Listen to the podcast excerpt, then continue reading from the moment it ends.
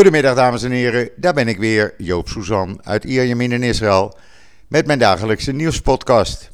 Ja, en wat gaat het de weken toch hard. Het is alweer uh, donderdag, de laatste podcast van deze week. Vanavond begint het weekend in Israël. En uh, ja, om dan maar meteen met de deur in huis te vallen. Op dit moment is het 35 graden, blauwe lucht, zwak briesje. Zeewater is nog steeds 31 graden. En het weekend weer, nou, dat ziet er gewoon lekker uit, 37 graden. Uh, na het weekend gaan we weer terug naar 35 graden. Dus het is gewoon, uh, ja, lekker. Het blijft jammer dat de grenzen voor uh, u nog steeds gesloten zijn. Ja, en dan het coronavirus in Israël. Want gisteravond deed premier Bennett een dringende oproep op televisie aan iedereen om zich te laten vaccineren. Ook voor de derde keer. Omdat het gewoon werkt. Er zijn nu ruim, ruim 1,2 miljoen mensen voor de derde keer gevaccineerd. Dat gaat hard. Uh, en hij uh, riep iedereen op: laat je vooral vaccineren. Ook al omdat hij aangaf dat van de 105 mensen die overleden in de afgelopen week, bleken er 103 niet of slechts gedeeltelijk gevaccineerd te zijn. Dus ja, het werkt. Gewoon. En hij zei ook: een lockdown is het laatste redmiddel. Als het niet anders kan, als die Delta-variant om zich heen blijft slaan, dan, ja, dan moet er een lockdown komen als uh, het aantal uh, besmettingen elke dag hoog blijft. Volgens virusexperts hier in Israël ziet het er echter naar uit dat in de komende dagen, de komende week vooral, het aantal besmettingen drastisch naar beneden zal gaan, omdat dan de werking van uh, de derde vaccinatie duidelijk wordt. En in navolging van uh, Amerika, waarin gisteren werd meegedeeld dat vanaf uh, tweede helft september iedereen vanaf 12 jaar wordt gevaccineerd voor een derde keer, ehm, zegt men ook hier in Israël nu dat binnen een korte tijd, mogelijk nog voor de Joodse feestdagen, dus voor het eind van deze maand, begonnen zal worden met het vaccineren voor de derde keer van iedereen vanaf de leeftijd 12 jaar die zes maanden geleden of langer een uh, tweede vaccinatie heeft gehad. Want dat is gewoon belangrijk.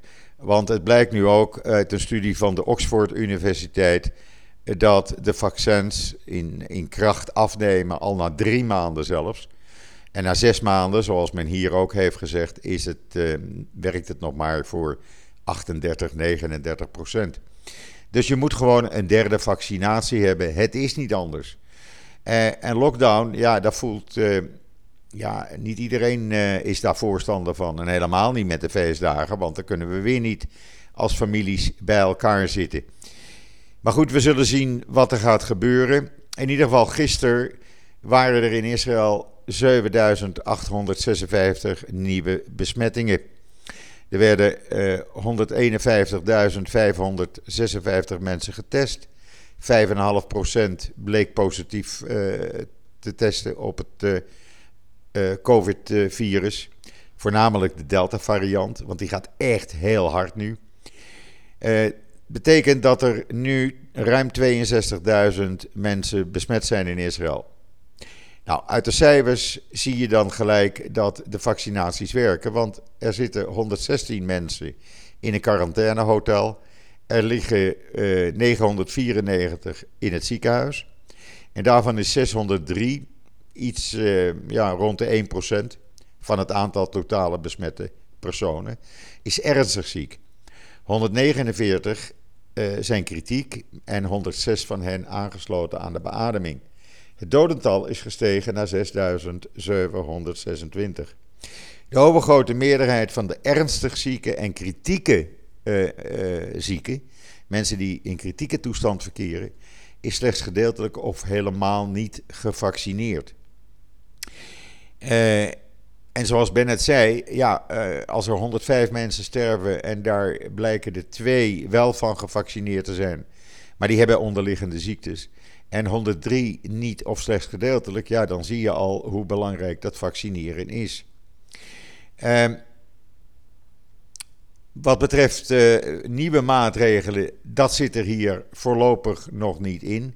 Men wil het eerst op deze wijze doen met alle restricties, met het groene paspoort wat geldt uh, vanaf 12 jaar, of vanaf 3 jaar eigenlijk. Waardoor er lange rijen bij testcentra zijn ontstaan. Want ja, kinderen vanaf drie jaar die naar een pretpark willen of een zwembad, openbaar zwembad, moeten toch eventjes een, uh, een neusuitstrijkje laten doen. En dan weet je 15 minuten later of je negatief of positief bent. Er komen nu veel meer testcentra bij. Er zijn er zo'n 250 en men wil dat eigenlijk gaan verdubbelen. Uh, ja, en dan, dan moeten we maar zien hoe dat gaat. Ik hoop dat er met de Joodse feestdagen geen lockdown komt. We hebben als familie al uh, besloten dat we in ieder geval in de tuin van een van de kinderen uh, tafels gaan neerzetten en in de buitenlucht dan Rosh Hashanah gaan vieren.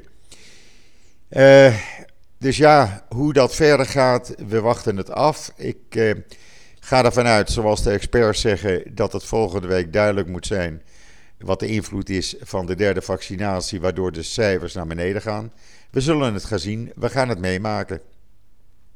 En dan was er eh, een wereldpremeur. U kunt het lezen op uh, israelnieuws.nl.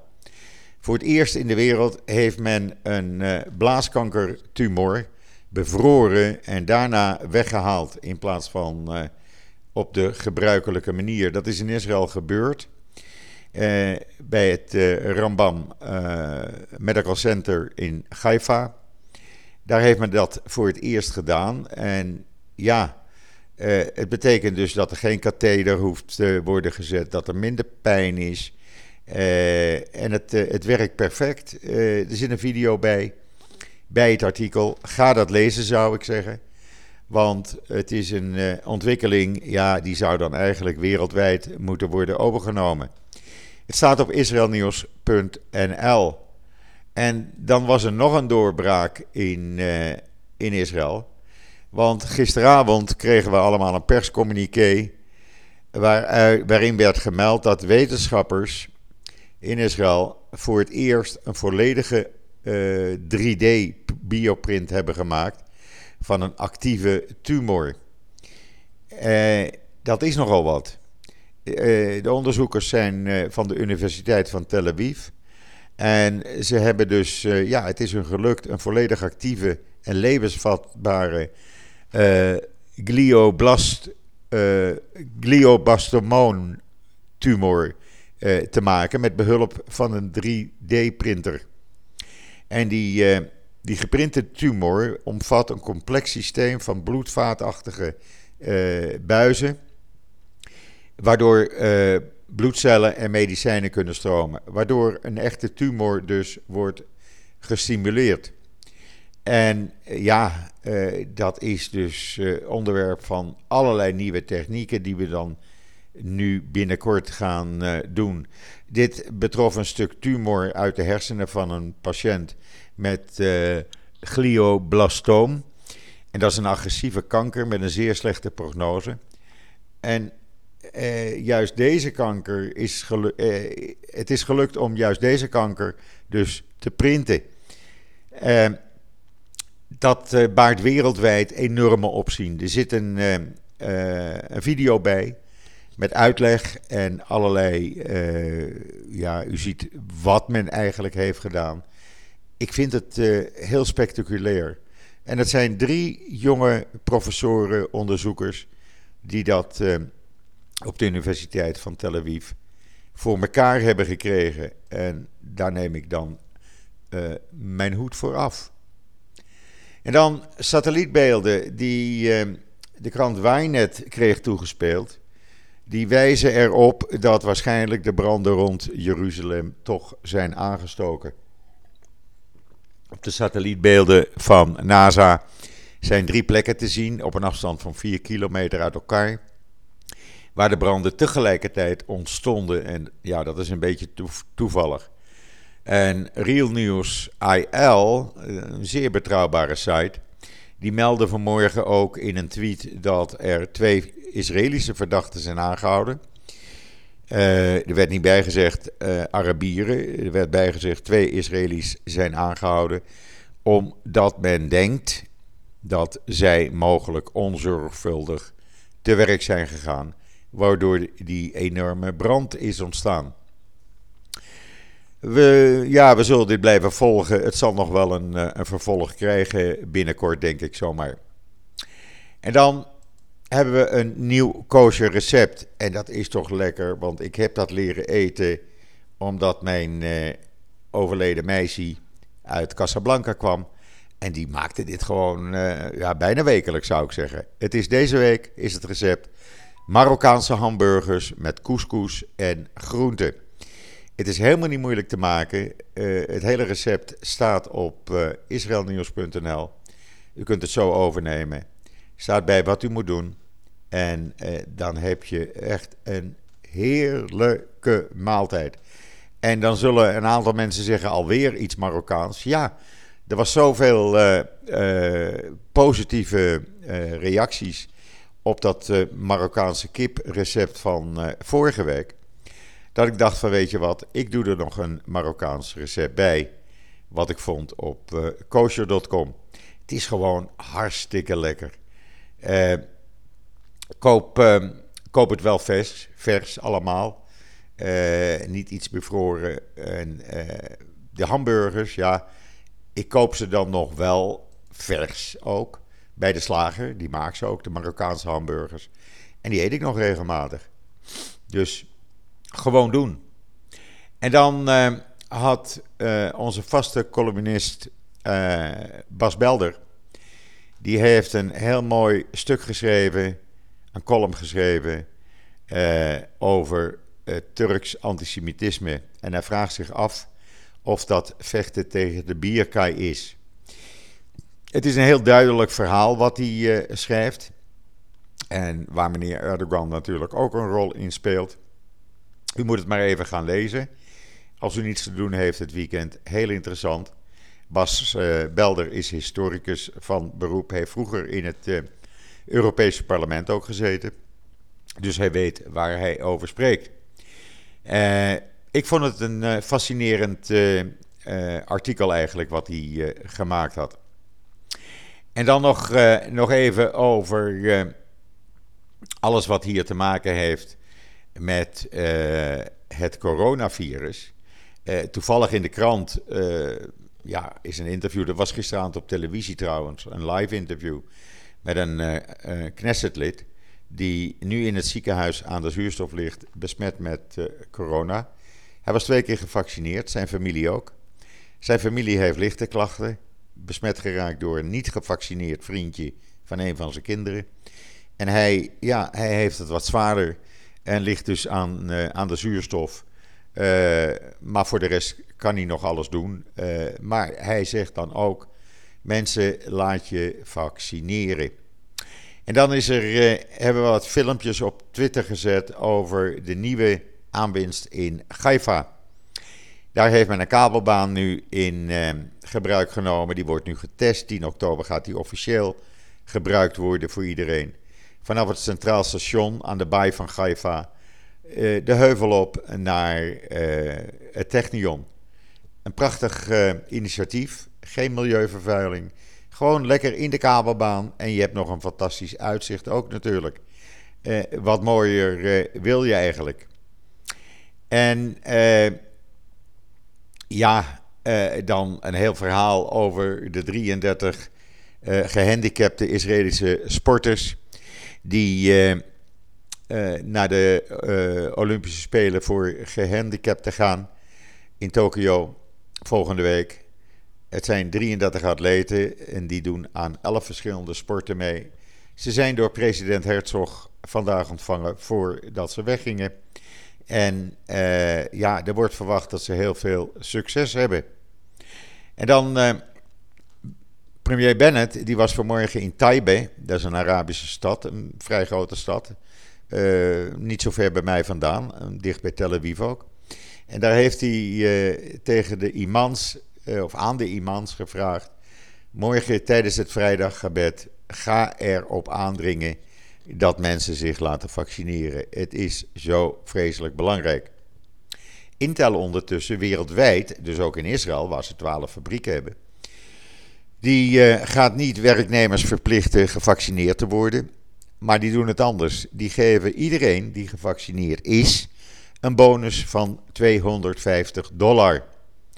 Eens kijken of uh, dat dan mensen over de brug wil halen.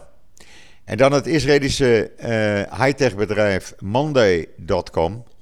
Dat is nu al meer dan 15 miljard dollar waard. U kunt het lezen op uh, mijn Twitter-account. en dat is best wel veel. Um, trouwens, nog even over corona. men heeft nu de ultra-orthodoxe scholen begonnen zijn, is men ook daar begonnen met het testen van yeshiva-studenten en scholieren. En wat blijkt, 10% van alle besmettingen op dit moment zijn in de ultra-orthodoxe gemeenschappen. En die stijgen heel snel. Het is, eh, er zijn meer besmettingen daar dan in de Arabische eh, sector. En dat is nogal wat. Uh, dus ja, ook daar eh, werd weer de nadruk gelegd op uh, uh, ja, vaccineren, vaccineren, vaccineren. Je ziet het elke avond op televisie. Allerlei experts die hier komen uitleggen. Mensen, als je het niet doet, dan gebeurt er dat. Doe je het wel, dan gebeurt er dit. En kan je op een redelijke manier uh, gewoon nog verder leven. En dan uh, was er een heel bijzondere retweet van Lapid, de minister van Buitenlandse Zaken, waarin hij de Palestijnse uh, brandweerlieden bedankte die afgelopen dagen hebben geholpen bij het blussen van de branden rond Jeruzalem. En mooier kan je het eigenlijk niet zien als de foto die op mijn Twitter-account staat, waarin je uh, Palestijnse en Israëlische brandweerlui gezamenlijk, gebroederlijk aan de lunch ziet zittend op de grond, hangend tegen een auto. Tijdens het, uh, ja, tijdens het werken door. Even een, uh, een snelle hap. En een beter teken van coexistentie, ja, het is er gewoon is niet te zien. Dit is, ja, waar iedereen eigenlijk van zegt. ja, zo hoort, het, zo hoort het gewoon te zijn, nu en in de toekomst. En het blijkt dat het kan. Want anders waren ze nooit naar uh, Israël toegekomen spontaan om te gaan helpen bij dat blussen. En dan als laatste, uh, Bennett gaat volgende week uh, de 26e een kopje koffie drinken in het Witte Huis. Hij gaat dan naar Biden toe. Wordt als een heel belangrijke bijeenkomst gezien. Belangrijk in die zin, kijken wat daar uitkomt. Liggen die twee elkaar? Het schijnt van wel, maar ja, Beelden zeggen natuurlijk alles dan. En het uh, zal natuurlijk gaan over de Taliban, over het gevaar van uh, al die islamitische groepen onder leiding van Iran, die nu aan de grenzen met Israël staan. Ik heb dat al eerder uitgelegd van de week. Je hebt natuurlijk nu de as van het kwaad gekregen. Uh, Iran, die Libanon zo'n beetje in zijn bezit heeft, Hezbollah daar aangesteld heeft als zijn zetbaas. Syrië, waar Hezbollah een belangrijke rol speelt, maar ook Iraanse troepen van de Republikeinse Garde. Ja, het zit allemaal aan die noordgrens. En dan hebben we in het zuiden natuurlijk Hamas, die als een van de eerste de Taliban feliciteerde met hun overwinning.